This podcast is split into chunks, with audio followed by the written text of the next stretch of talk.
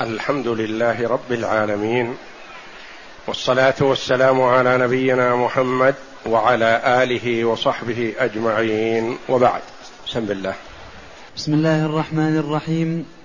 قال المؤلف رحمه الله تعالى عن أبي هريرة رضي الله عنه قال قال رسول الله صلى الله عليه وسلم أثقل الصلاة على المنافقين صلاة العشاء وصلاة الفجر ولو يعلمون ما فيهما لأتوهما ولو حبوا.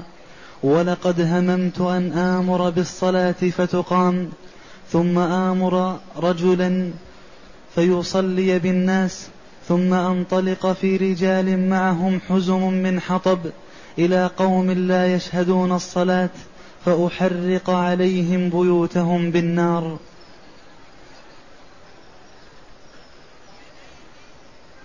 هذا الحديث أورده المؤلف رحمه الله تعالى للاستدلال به على وجوب صلاة الجماعة وأنها فرض عين.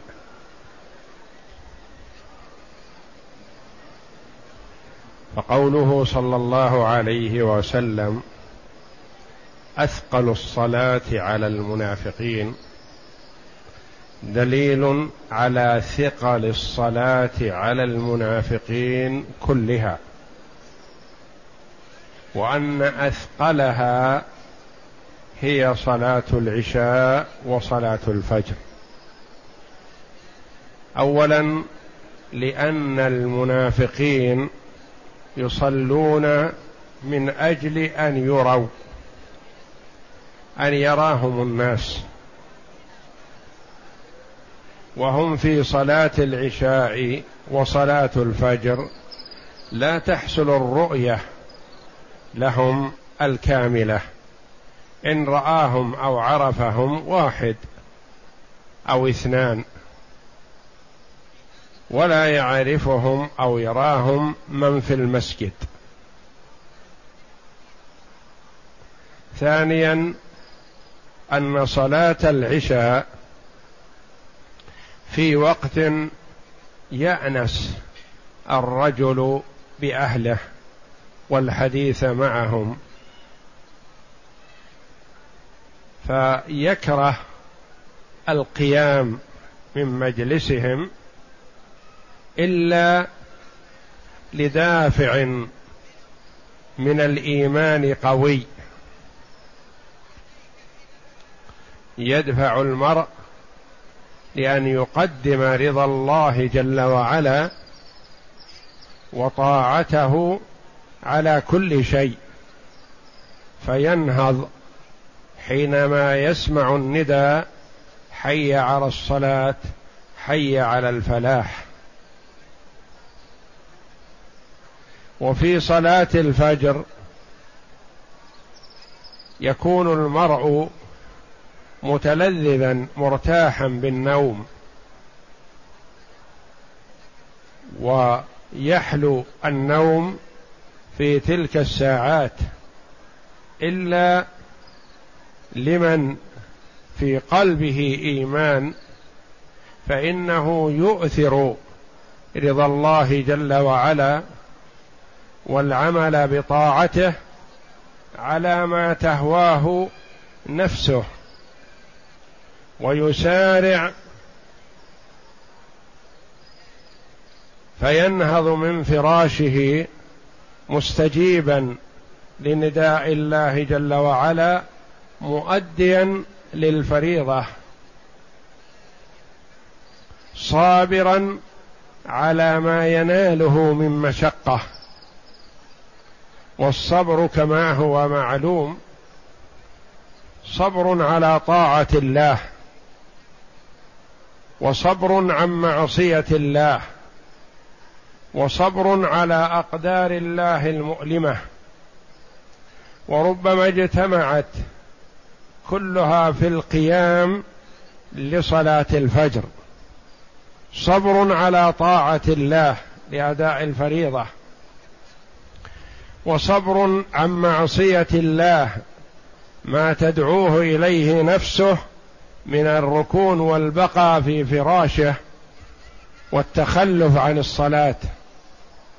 وصبر على أقدار الله المؤلمة ما يصيبه من برد ومشقة تلك الساعة. فيحصل على ثواب الصبر الكامل بالمحافظة على فرائض الله جل وعلا. أثقل الصلاة على المنافقين. أثقل أفعل تفضيل. دليل على أن الصلاة كلها ثقيلة لكن أثقلها هاتين. لأنها في لأنه في صلاة الظهر والعصر والمغرب ثقيلة عليهم لكن يخففها أنهم يرون الناس ويرونهم. يطلع الناس على ذواتهم بأنهم جاءوا إلى المسجد فيقوي عزائمهم مراءاه الناس والعياذ بالله.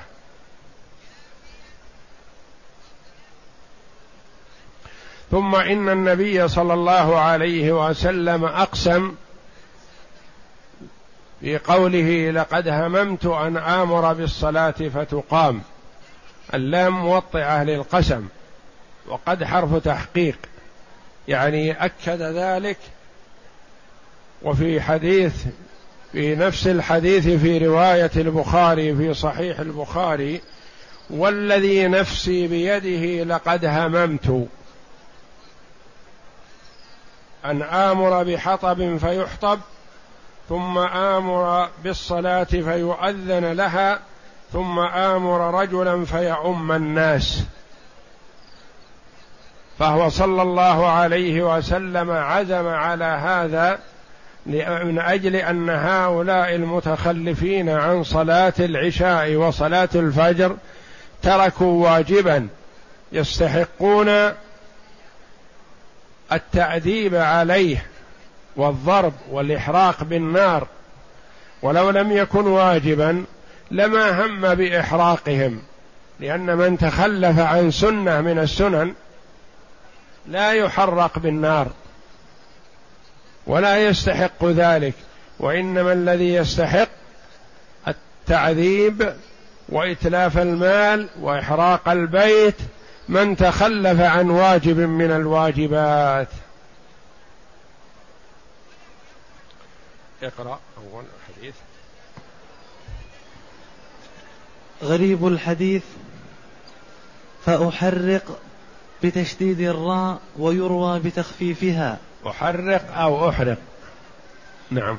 والتشديد أبلغ في المعنى. أبلغ يعني أقوى. أحرق. نعم. حبوى قال ابن الأثير الحبو أن يمشي على يديه وركبتيه وهو منصوب. يعني لو كان عنده رغبة في الخير ومعرفة في ثواب في الثواب الذي يحصل له لجاء ولو حبوا ومن يأتي حبوا معذور عن حضور الجماعة. لكنه لكن المرأة قد يعذر عن حضور الشيء لكنه لا يعذر نفسه. رغبة في ثواب الله. كما قال عبد الله بن مسعود رضي الله عنه ولقد كان الرجل يؤتى به يهادى بين الرجلين حتى يقام في الصف. يعني يأتي إلى الرجل المريض اثنان من إخوانه أو جيرانه فيمسكان بعضديه ويهديانه هديا بسيطا كما يهدى الطفل الصغير حتى يقام في الصف رغبة في حضور الجماعة وإن كان معذور عن الحضور. والمريض يكتب له الثواب لكن رغبة في الحصول على الثواب مضاعفا بإذن الله لأنه لو صلى في بيته هذا المعذور لحصل على أجر صلاة الجماعة. كما قال عليه الصلاة والسلام إذا مرض العبد أو سافر كتب له ما كان يعمل صحيحا مقيما. لكن من زيادة الرغبة في الخير يأتي ولو حبوا على يديه وركبتيه لئلا يفوته الفضل مع أنه لا يفوته لكن من زيادة الحرص والرغبة. نعم. وهو منصوب لأنه خبر كان المقدرة أي المقدرة. المقدرة. أي ولو يكون الإتيان حبوا ولو كان الإتيان حبوا نعم. المعنى الإجمالي لما كان المنافقون يراءون الناس ولا يذكرون ولا يذكرون الله إلا قليلا. وكان لأن أكثر أعمال المنافقين رياء. لأجل أن يذكروا بذلك لأنهم لا يؤمنون بالآخرة والثواب الأخروي وإنما هدفهم مراعاة الناس في الدنيا فقط. نعم. وكانت صلاة العشاء وصلاة الفجر بوقت بوقت ظلام فما يراهم الناس الذين يصلون لأجل لأجلهم نجدهم يقصرون في هاتين الصلاتين. اللتين تقعان في وقت الراحة ولذة النوم ولا ينشط لأدائها مع الجماعة إلا من من حداه داعي الإيمان بالله تعالى ورجاء ثواب الآخرة. ولما كان الأمر على ما ذكر كانت هاتان الصلاتان أشق وأثقل على المنافقين.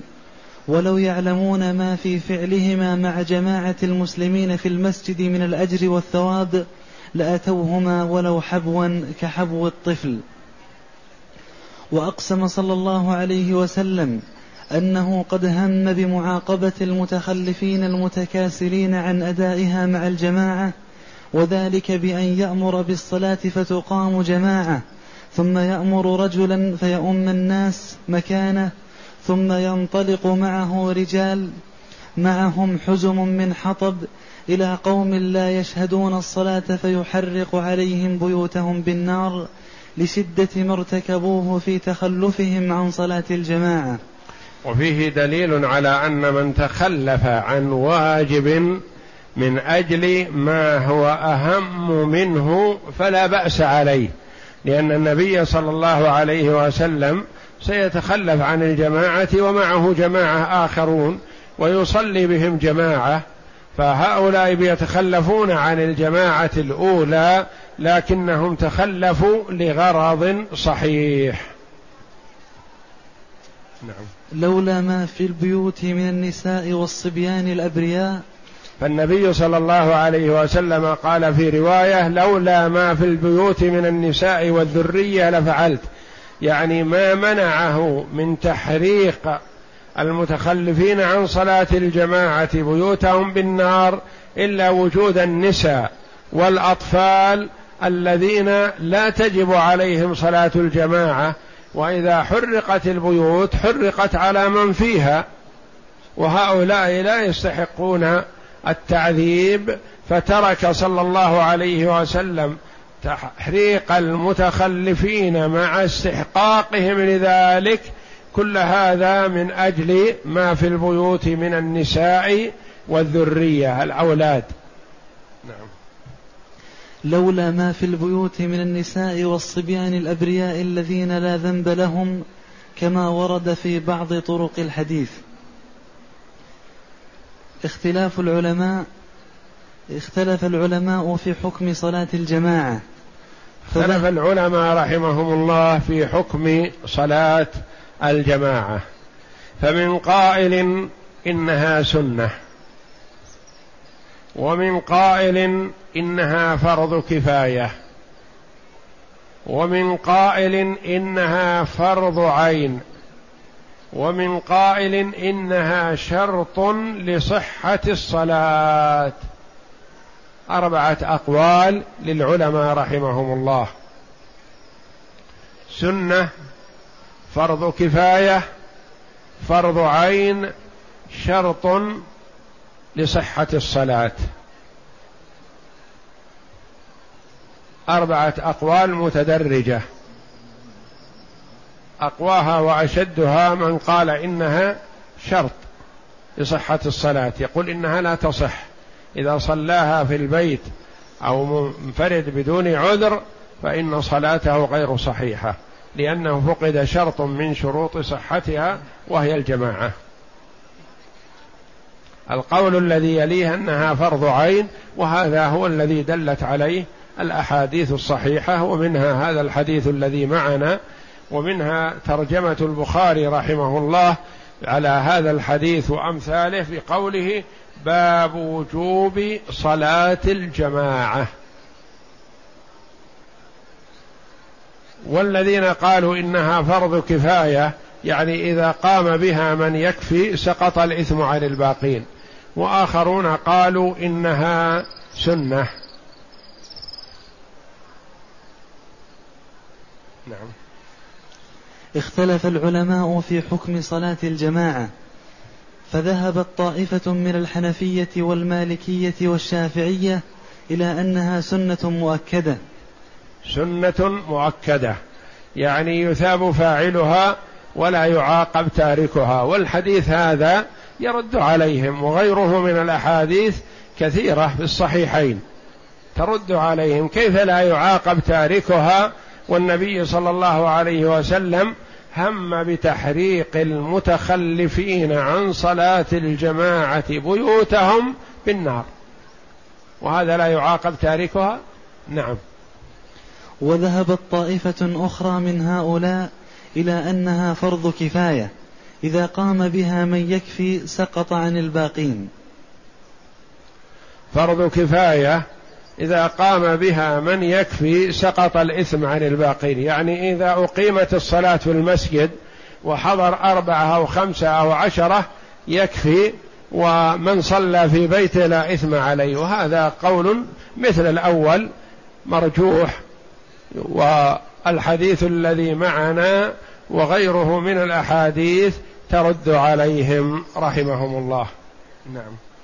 وذهب الإمام أحمد وأتباعه وأهل الحديث إلى أنها فرض عين. فرض عين يعني تجب على كل واحد بعينه ولا يتخلف عنها إلا المعذور الذي يعذر في ترك صلاة الجماعة كالمريض مثلا والخائف مثلا ومن بين يديه مال يخاف عليه من الضياع والسراق ولا يستطيع تحصينه وحفظه وهكذا من وكل إليه عمل عمل هام أو مراقبة أو مرابطة أو نحو ذلك من الأعمال التي تتطلب الوقوف على هذا العمل باستمرار هذا معذور في صلاة الجماعة وقد ذكر العلماء رحمهم الله الأعذار المسقطة للجماعة. نعم. وبالغة الظاهرية فذهبوا إلى أنها شرط لصحة الصلاة. واختار هذا القول أبو الوفاء بن عقيل الحنبلي وشيخ الإسلام ابن تيمية. هذا قول الظاهرية الذين يأخذون بظاهر الحديث أن الصلاة أن صلاة الجماعة شرط. قالوا إذا صلى في بيته بدون عذر فكأنه لم يصلي. لا صلاة له. مثل من صلى بدون وضوء أو صلى لغير القبلة. لأن الطهارة شرط من شروط صحة الصلاة والقبلة شرط من شروط صحة الصلاة وستر العورة شرط من شروط صحة الصلاة. قالوا وصلاة الجماعة للرجال شرط من شروط صحة الصلاة. فإذا ترك الجماعة فكأنه صلى عريان صلاته غير صحيحة أو كأنه صلى لغير القبلة صلاته غير صحيحة. أو كأنه صلى بدون وضوء فصلاته غير صحيحة. وهذا فيه شدة ويرد على هذا القول قول النبي صلى الله عليه وسلم صلاة الجماعة تفضل على صلاة الفذ بسبع وعشرين درجة. يعني أن صلاة الفذ يعني المنفرد المصلي وحده صلاته صحيحة لكنه محروم من كثير من الأجر. صلاته صحيحة. أفضل يعني أفعل تفضيل. فالجماعة أفضل بسبع وعشرين درجة وذاك صلاته صحيحة. لكنه حرم من الأجر واستحق الوعيد الوارد في هذا الحديث. نعم. أدلة هذا هذه المذاهب استدل الذاهبون إلى أنها سنة بحديث صلاة الجماعة أفضل من صلاة الفذ بسبع وعشرين درجة. نقول نأخذ حنا بهذا الحديث وهذا الحديث صحيح لا إشكال فيه. لكن هذا نرد به على من اشترط صحة الجماعة. من اشترط الجماعة للصلاة. لأن صلاة المنفرد صحيحة لكنه محروم من الثواب الجزيل ومستحق للوعيد الوارد في هذا الحديث. نعم. ووجه استدلالهم أن كل أن كلا من صلاة الجماعة وصلاة الانفراد اشتركا في الأفضلية. اشتركا في الأفضلية في قوله ف... صلاة الجماعة تفضل على صلاة الفذ. يعني هذه فاضلة وتلك فاضلة لكن صلاة الجماعة تتميز بسبع وعشرين درجة. نعم. وتأولوا حديث الباب بتأويلات بعيدة متكلفة. بعيدة متكلفة. هذه التأويلات التي أتوا بها قالوا هي متكلفة. قالوا إن هذا مثلا آه، على أنها إذا قام بها من يكفي سقط الإثم عن الباقين. على أنها فرض كفاية. قلنا لا. النبي صلى الله عليه وسلم فرض الكفاية. لو كان فرض الكفاية لكان قائم بها النبي صلى الله عليه وسلم ومن يصلي معه في المسجد وهم كثير. لكنها فرض على هؤلاء الذين تخلفوا وأجابوا بأجوبة كثيرة تصل إلى عشرة اعتذارات عن هذا الحديث الذي معنا. وقد أوردها في فتح الباري رحمه الله لكنها لا تنهض لرد هذا الحديث الصريح الذي أقسم عليه النبي صلى الله عليه وسلم بأنه هم بهذا الأمر. نعم. مذكورة في فتح الباري ونيل الأوطار وغيرهما. نعم من كتب الحديث. أما أدلة من ذهبوا إلى أنها فرض كفاية فهي أدلة من يرون أنها فرض عين وذلك لمشروعية قتال تارك فرض الكفاية. أدلة من يقول إنها فرض كفاية قالوا هي أدلة فرض العين لكن إذا قام بها من يكفي سقط الإثم عن الباقين. نعم. وليس هذا دليلا مستقيما لأن هؤلاء هم بقتلهم والقتل غير المقاتلة. نعم هم بتحريقهم مع أن الجماعة قائمة. فلا يهم بتحريق مثلا من تخلف عن صلاة الجنازة. صلاة الجنازة فرض كفاية. إذا قام بها من يكفي سقط الإثم عن الباقين مثلا. أناس في بيوتهم ما خرجوا لصلاة الجنازة. قيل مثلا سيصلى على فلان مثلا ضحى. فخرج أشخاص كثير يطلبون الأجر من الله جل وعلا وحضروا صلاة الجنازة. الذين لم يحضروا هل يستحقون أن يحرقوا في على في بيوتهم؟ لا. لأن صلاة الجنازة فرض كفاية. قام بها من يكفي فسقط الإثم عن المتخلف. ولو تركت الجنازة بدون صلاة لأثم الكل من علم. فهذا فرض الكفاية. إذا قام به من يكفي سقط الإثم عن الباقين. فلا يصلح أن نقول إن صلاة الجماعة فرض كفاية لأن النبي صلى الله عليه وسلم قائم بها. فلا فلو كانت فرض كفاية ما استحق المتخلف التحريق. إلا لو ترك أهل البلد كلهم صلاة الجماعة نعم. وهذا غير متأتي لأن النبي صلى الله عليه وسلم قائم ومن معه بصلاة الجماعة. نعم. ولو كان فرض كفاية لكان وجوبها ساقطا عن هؤلاء المتخلفين بصلاة النبي ومن معه فلم يكونوا تركوا واجبا يعاقبون عليه إذن. نعم. أما أدلة الموجبين لها على الأعيان فهي صحيحة صريحة. واضحة صريحة نعم. فمن النبي صلى الله عليه وسلم بالتحريق. نعم. فمنها حديث أبي هريرة هذا الذي معنا فإنه صلى الله عليه وسلم لا لا يهم بتعذيبهم إلا على كبيرة من كبائر الذنوب. لأن من ترك مستحبا ما يستحق أن يحرق بالنار وإنما الذي يستحق أن يحرق بالنار من تخلف عن واجب. نعم. ومنها حديث الأعمى الذي استأذن النبي صلى الله عليه وسلم أن يصلي في بيته لوعورة الطريق وعدم القائد له فلم يرخص له. حديث ابن أم مكتوم رضي الله عنه.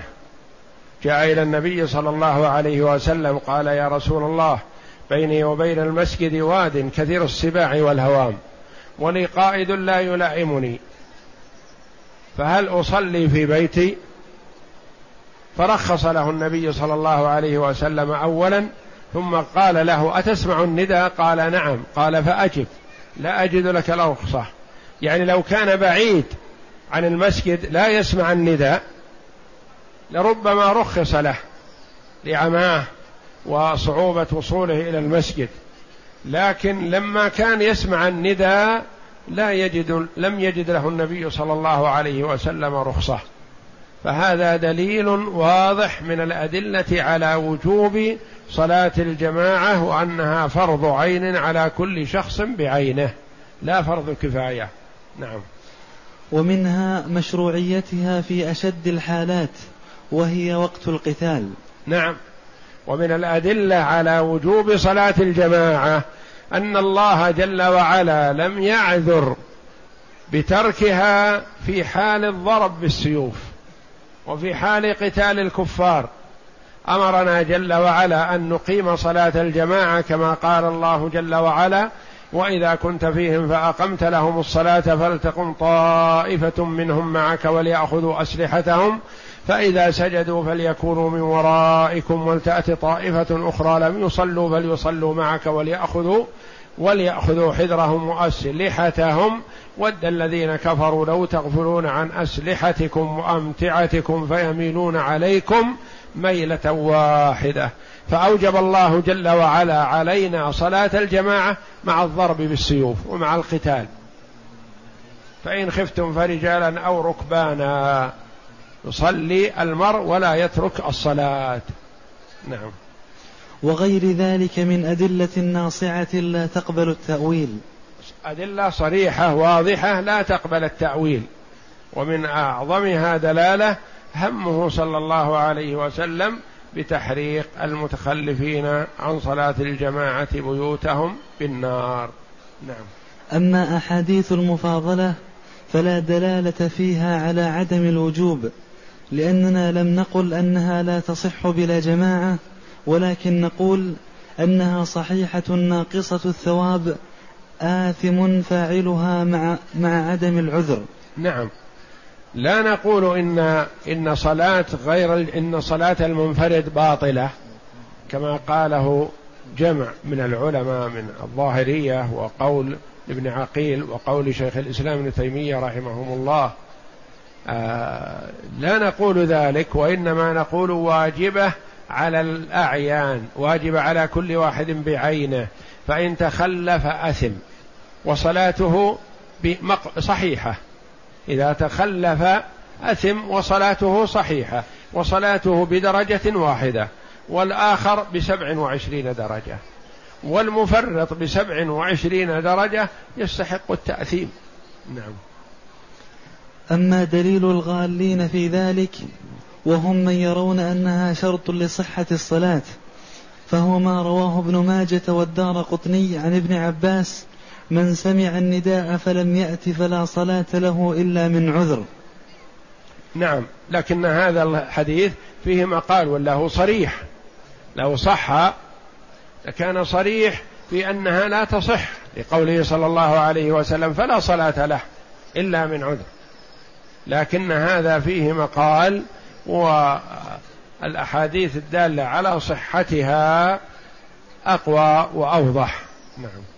والراجح أن الحديث موقوف لا مرفوع وقد تكلم العلماء في بعض رجاله. يعني حديث لا صلاة من سمع الندى فلم يجب فلا صلاة له. قال الصحيح أنه موقوف وليس مرفوع إلى النبي صلى الله عليه وسلم. وعلى فرض صحته فيمكن تأويله بلا صلاة كاملة إلا في المسجد ليوافق الأحاديث التي هي أصح منه. لأن الحديث الأقل درجة إذا خالف الأحاديث الصحيحة الواضحة فيمكن أن يؤول يحمل على محمل آخر. نقول لا صلاة فلا صلاة له يعني كاملة. وإلا من حيث الإجزاء فهي مجزية لكن ليست بكاملة. وهذا صحيح بأنها ليست كاملة لا شك بأنها ليست كاملة كصلاة من صلى جماعة. نعم. وهذا التعبير كثير في لسان الشارع يريد بنفي الشيء نفي كماله. نعم. وحديث لا صحة صلاة المنفرد. حيث جعل الشارع فيها شيئا من الثواب. نعم المنفرد فيها فضل لكنه محروم من شيء كثير. نعم. بعد أن ذكر ابن القيم في كتاب الصلاة مذاهب العلماء وأدلتهم قال ومن تأمل السنة حق التأمل تبين له أن أن فعلها في المساجد فرض على الأعيان إلا لعارض يجوز معه ترك الجمعة والجماعة.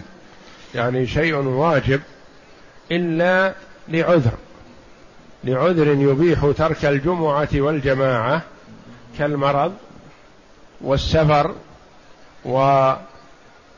والانشغال بشيء مهم لا يستطيع الانفكاك عنه ونحو ذلك من الأمور التي ستأتي إن شاء الله في باب الأعذار المسقطه للجمعة والجماعة. نعم. وبهذا تتفق جميع الأحاديث والآثار فالذي ندين الله به أنه لا يجوز لأحد التخلف عن الجماعة في المسجد إلا من عذر. إلا من عذر. لا يتخلف عن صلاة الجماعة إلا كما قال عبد الله بن مسعود رضي الله عنه ولقد رأيتنا وما يتخلف عنها إلا منافق معلوم النفاق. فمن تخلف عن صلاة الجماعة من دون عذر ففيه الصفة من صفات المنافقين. نعم. ما يؤخذ من الحديث اولا أن صلاة الجماعة فرض عين على الرجال البالغين. ثانيا أن من ترك الجماعة بلا عذر آثم يستحق العقوبة. نعم لأن النبي هم بتحريقه بالنار. نعم. ثالثا أن درء المفاسد مقدم على جلب المصالح فإنه لم يمنعه من تعذيبهم بهذه بهذه الطريقة إلا خوف تعذيب من لا يستحق العذاب. أعد هذه. أن درء المفاسد درء المفاسد مقدم على جلب المصالح. إذا كان هذا الشيء فيه مفسدة وفيه مصلحة فنقدم درء المفسدة وتركها على استجلاب المصلحة التي تحصل. فمثلا الزحام على تقبيل الحجر الأسود. فيه مفسدة التي هي أذية المسلمين. فيه مفسدة بالنسبة للمرأة التكشف وظهور العورة. فيه مفسدة التي هي مزاحمة الرجال والاحتكاك احتكاك الجسم بالجسم. هذه كلها مفاسد. والمصلحة تقبيل الحجر الأسود في مصلحة سنة. فهل يصح للمرأة أن تزاحم على تقبيل الحجر الأسود وتترك هذه وتقع في هذه المفاسد من أجل أن تحصل على مصلحة واحدة وهي تقبيل الحجر الأسود؟ وكذلك الرجل القوي الذي يمكن أن يستطيع بقوته أن يقبل الحجر الأسود لكن يترتب على تقبيله أذى لإخوانه المسلمين يؤذي الضعيف. وفي مصلحة وهي تقبيل الحجر الأسود فهل يت يتغاضى عن المفاسد هذه ويقع فيها من أجل أن يدرك مصلحة وهي تقبيل الحجر الأسود؟ لا. وهذا معنى قول المؤلف رحمه الله درء المفاسد مقدم على جلب المصالح. منين أخذوا من هذا الحديث؟ من عدم التحريق لأن في التحريق مفاسد وهي تحريق النساء والأطفال هذه مفسدة. وتحريق المتخلف عن صلاة الجماعة ممن تجب عليه مصلحة. فترك النبي صلى الله عليه وسلم التحريق من باب درء المفاسد. لما يترتب عليها من المفاسد التي تترتب على التحريق لأن هؤلاء لا ذنب لهم إذا حرقوا. فدرء المفاسد مقدم على جلب المصالح. نعم. رابعا أن المنافقين لم يقصدوا بعبادتهم إلا الرياء والسمعة لأنهم لم يأتوا إلى الصلاة إلا حين يشاهدهم الناس. ما أتوا بدافع الإيمان والرغبة فيما عند الله وإنما أتوا من أجل المراءات والمراءات لا تحصل لهم كما يريدون في صلاة العشاء وصلاة الفجر لوجود الظلام. لأنهم لا يعرفون صلوا أو لم يصلوا. أما الصلوات الأخرى فهم يصلون من أجل أن يروا وأنه يجب على المسلم أن يبتعد عن صفات المنافقين وأن المرء قد يكون فيه صفة من صفات المنافقين وإن لم يكن منافق. لا يكون منافق خالص وإنما فيه صفة من صفات المنافقين. ونعرف أن النفاق اعتقادي وعملي. فالاعتقادي مخرج من ملة الإسلام. وهو الذي قال الله جل وعلا عنه إن المنافقين في الدرك الأسفل من النار. ونفاق عملي. يعتبر من المعاصي. ولا يخرج من ملة الإسلام. كالكذب مثلا صفة من صفات المنافقين. لكن بمجرد ما يكذب المرء يخرج من الإسلام أو يتوعد بأن يكون في الدرك الأسفل من النار لا. وكذلك تخلف عن صلاة الجماعة مرة أو مرتين مثلا بدون عذر من تثبيت نفسه الأمارة بالسوء. نقول إن هذا في الدرك الأسفل من النار لأنه فيه صفة من صفات المنافقين. لا.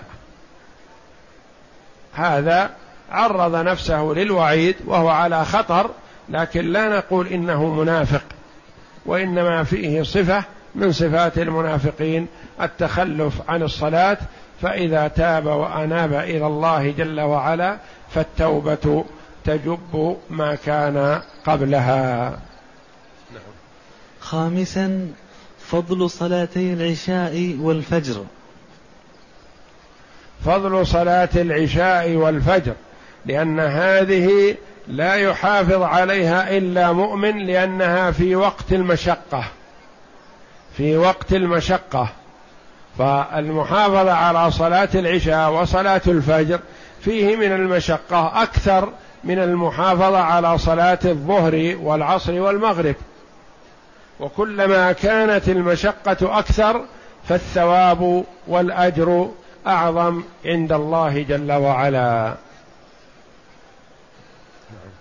سادسا ثقل صلاتي الفجر والعشاء محمول على أدائهما في جماعة وهذا ما يدل عليه السياق وأنما ثقلتا لقوة الداعي إلى التخلف عنهما وقت وقوة الصارف عن حضورهما.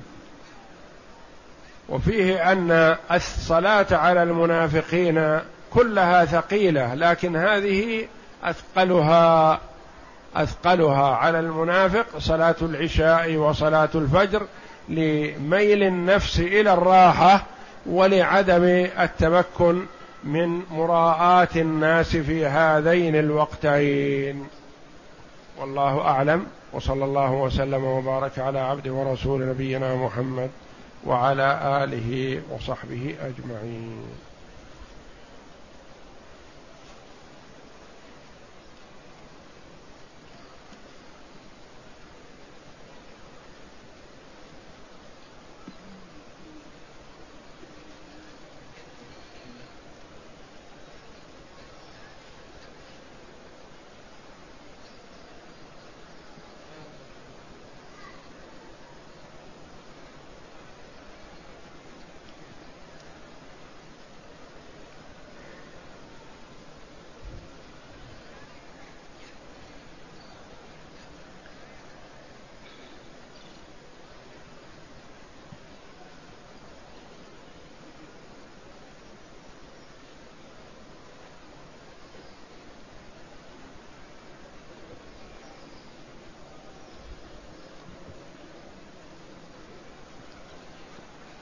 تقول السائلة هل يجوز للمرأة أن تزوج بنفسها موكلة مع أن لها إخوة في البلاد ولكنهم ليس عندهم الاتصال وهم في البادية؟ وهل هذا النكاح صحيح أم لا؟ لا يجوز للمرأة أن تزوج نفسها ولا أن توكل من يزوجها لأن المرأة يزوجها أولياؤها. وإذا لم يتمكن الولي من الحضور فيوكل غيره. التوكيل يصح من الولي لا منها.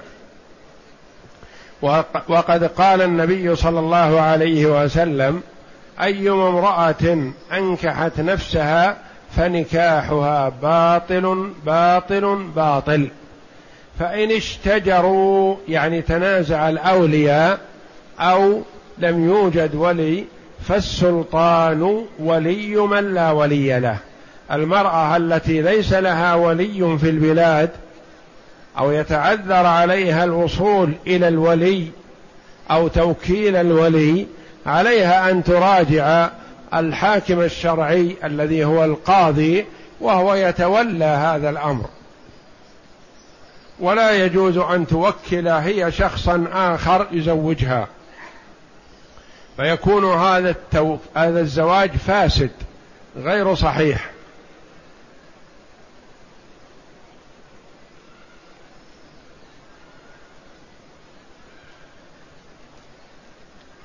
يقول السائل أنا مقيم بمكة المكرمة فهل أحرم للعمرة من بيتي محل سكني أم من التنعيم؟ المقيم بمكة إذا رغب العمرة فعليه أن يخرج إلى الحل ولا يجوز له أن يحرم من داخل الحرم من بيته إذا كان داخل الحرم لأنه لا بد أن يجمع المرء في العمرة بين الحل والحرم كما في الحج. في الحج والعمرة لا بد من الجمع بين الحل والحرم. ولكون أفعال العمرة كلها في الحرم يجب أن يكون الإحرام من الحل. وأما الحج فهو إذا أحرم من مكة بالحج فقد جمع بين الحل والحرم لأن عرفة من الحل. فالحاج يخرج إلى عرفة فيجمع بين الحل والحرم. وأما المقيم بمكة والراغب في العمرة فعليه إذا أراد الإحرام بالعمرة أن يخرج إلى الحل يعني أي جهة من الحل أيسر له. لا يلزم أن يكون من التنعيم وإنما إذا كان إذا كان أقرب له من عرفات أو من طريق الليث أو من طريق جدة أو من طريق الشرائع وهكذا. فحسب جهته هو يخرج إلى الحل ويعقد النية هناك وإن لبس ملابس الإحرام في بيته فلا بأس. لكن يعقد النية من الحل من خارج الحرم.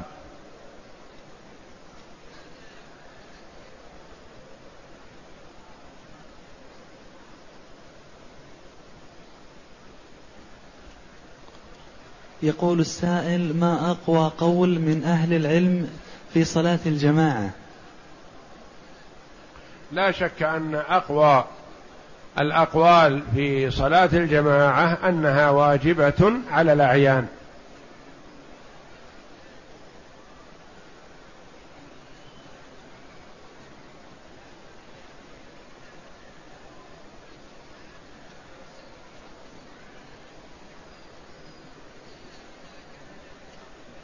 يقول السائل أتيت من جدة للعمرة وصلت في وقت حار وانتظرت صلاة الظهر حتى المغرب فهل يجوز ذلك؟ لا حرج في هذا إلا أن المبادرة حينما يصل المرء إلى مكة المبادرة في أداء النسك في أداء العمرة أفضل لفعل النبي صلى الله عليه وسلم فإذا وصل فالأفضل له أن يبدأ بالعمرة فإن شق عليه ذلك أو كان كبير في السن أو مريض أو لا يستطيع أن يؤديها نهارا وأجلها إلى الليل فلا حرج في هذا وعمله صحيح.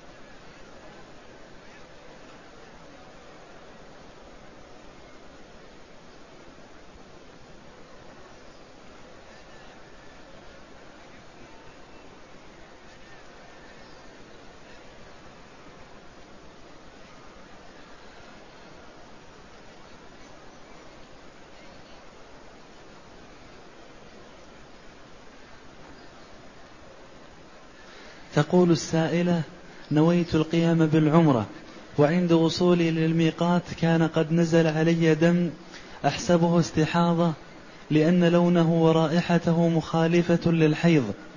فأحرمت للعمرة وأديت من المناسك.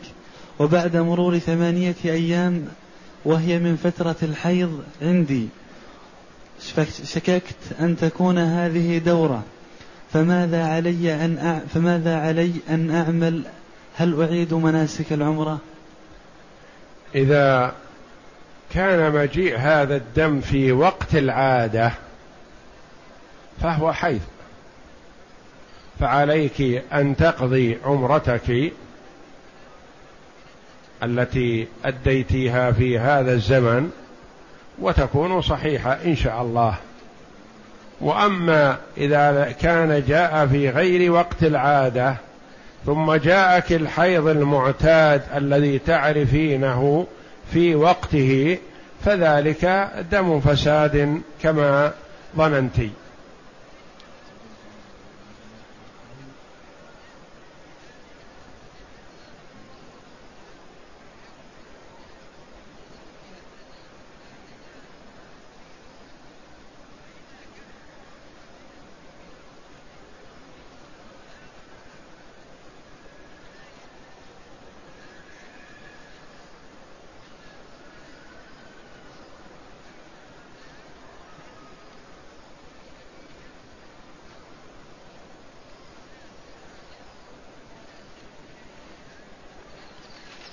هذا الذي يسأل عن الطلاق عليه مراجعة المحكمة ليحضر هو وزوجته وولي أمرها أمام القاضي ويخبره بالصحيح إن شاء الله.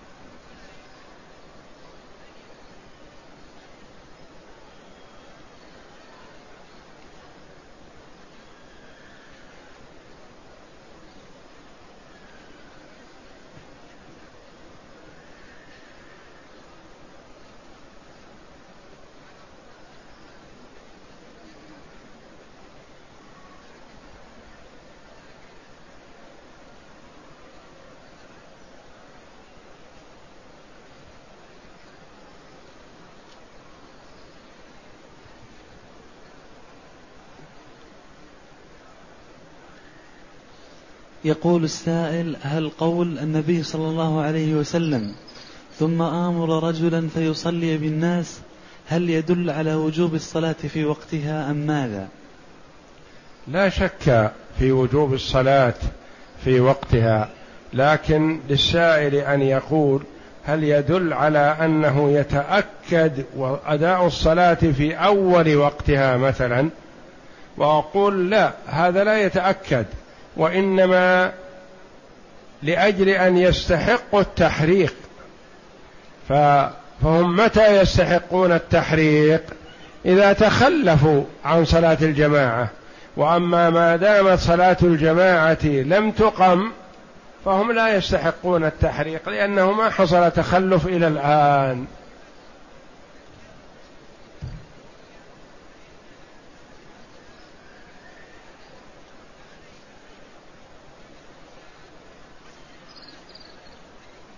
يقول السائل الطفل الذي عمره 12 سنة هل تجب عليه صلاة الجماعة؟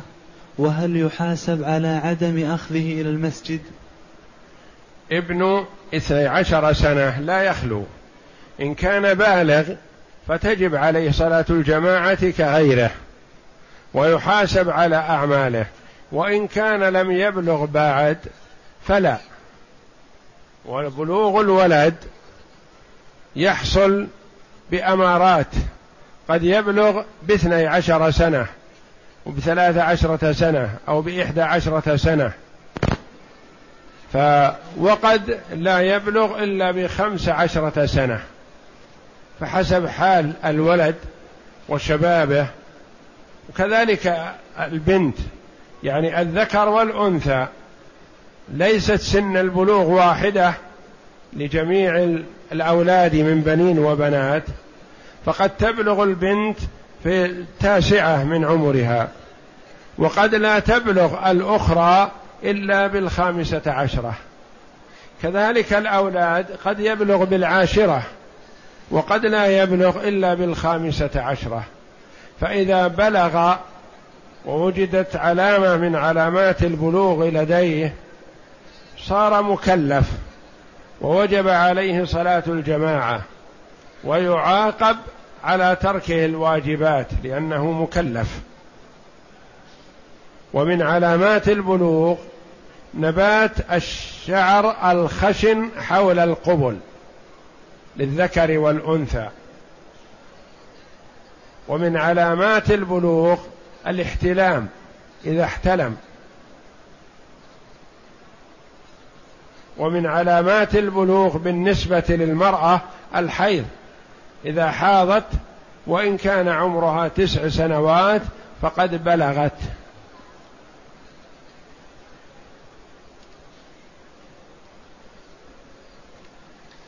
يقول السائل هل يعذر هل يعد ترك ترك صلاة الجماعة من كبائر الذنوب؟ لا شك أنها كبيرة من كبائر الذنوب التخلف عن صلاة الجماعة. لأن النبي صلى الله عليه وسلم لا يهم بتحريق المتخلفين عن صلاة الجماعة إلا لارتكابهم كبيرة من كبائر الذنوب.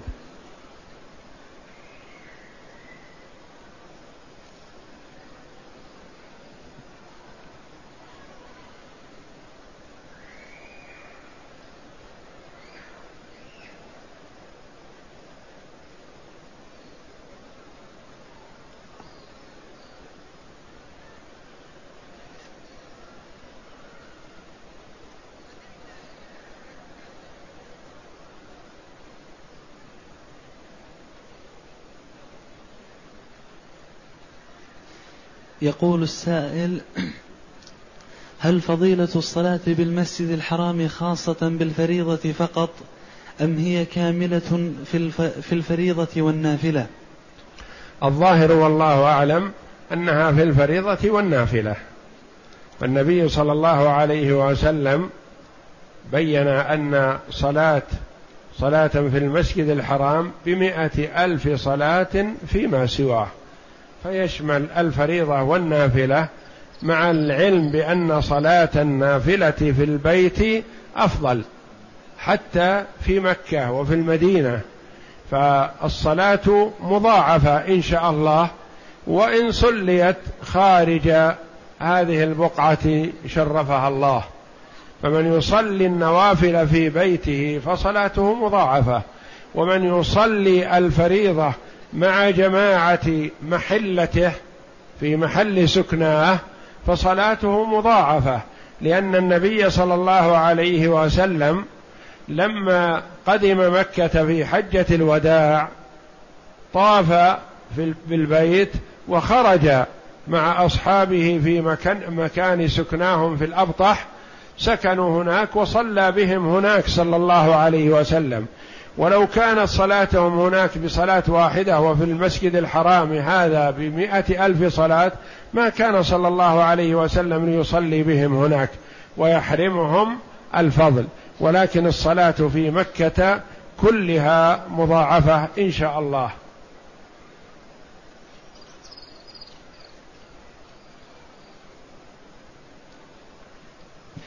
يقول السائل هل للحرم تحية قبل الجلوس فيه أم لا؟ وما هو ردكم على من يقول أنه ليس فيه تحية؟ نعم. يقول هل, هل للحرم تحية قبل الجلوس فيه؟ وما هو ردكم على من يقول أنه ليس فيه تحية؟ ما أعرف أن أحدا قال ليس للمسجد الحرام تحية حتى نرد عليه. تحية التحية المسجد في كل المساجد في قوله صلى الله عليه وسلم إذا دخل أحدكم المسجد فلا يجلس حتى يصلي ركعتين. وقال صلى الله عليه وسلم إذا دخل أحدكم المسجد والإمام يخطب فلا يجلس حتى يصلي ركعتين. فتحية المسجد واجبة في كل المساجد. ثم إن المسجد الحرام تحيته كتحية المساجد الأخرى صلاة ركعتين وتحية الكعبة شرفها الله الطواف بالبيت. فإذا تمكن المرء من أداء تحية الكعبة وأداء تحية المسجد فهذا أكمل. وإذا لم يتمكن من أداء تحية الكعبة فليؤدي تحية المسجد وهي صلاة ركعتين. فإذا دخل الداخل إلى المسجد سواء كان المسجد الحرام أو غيره فلا يجلس حتى يصلي ركعتين.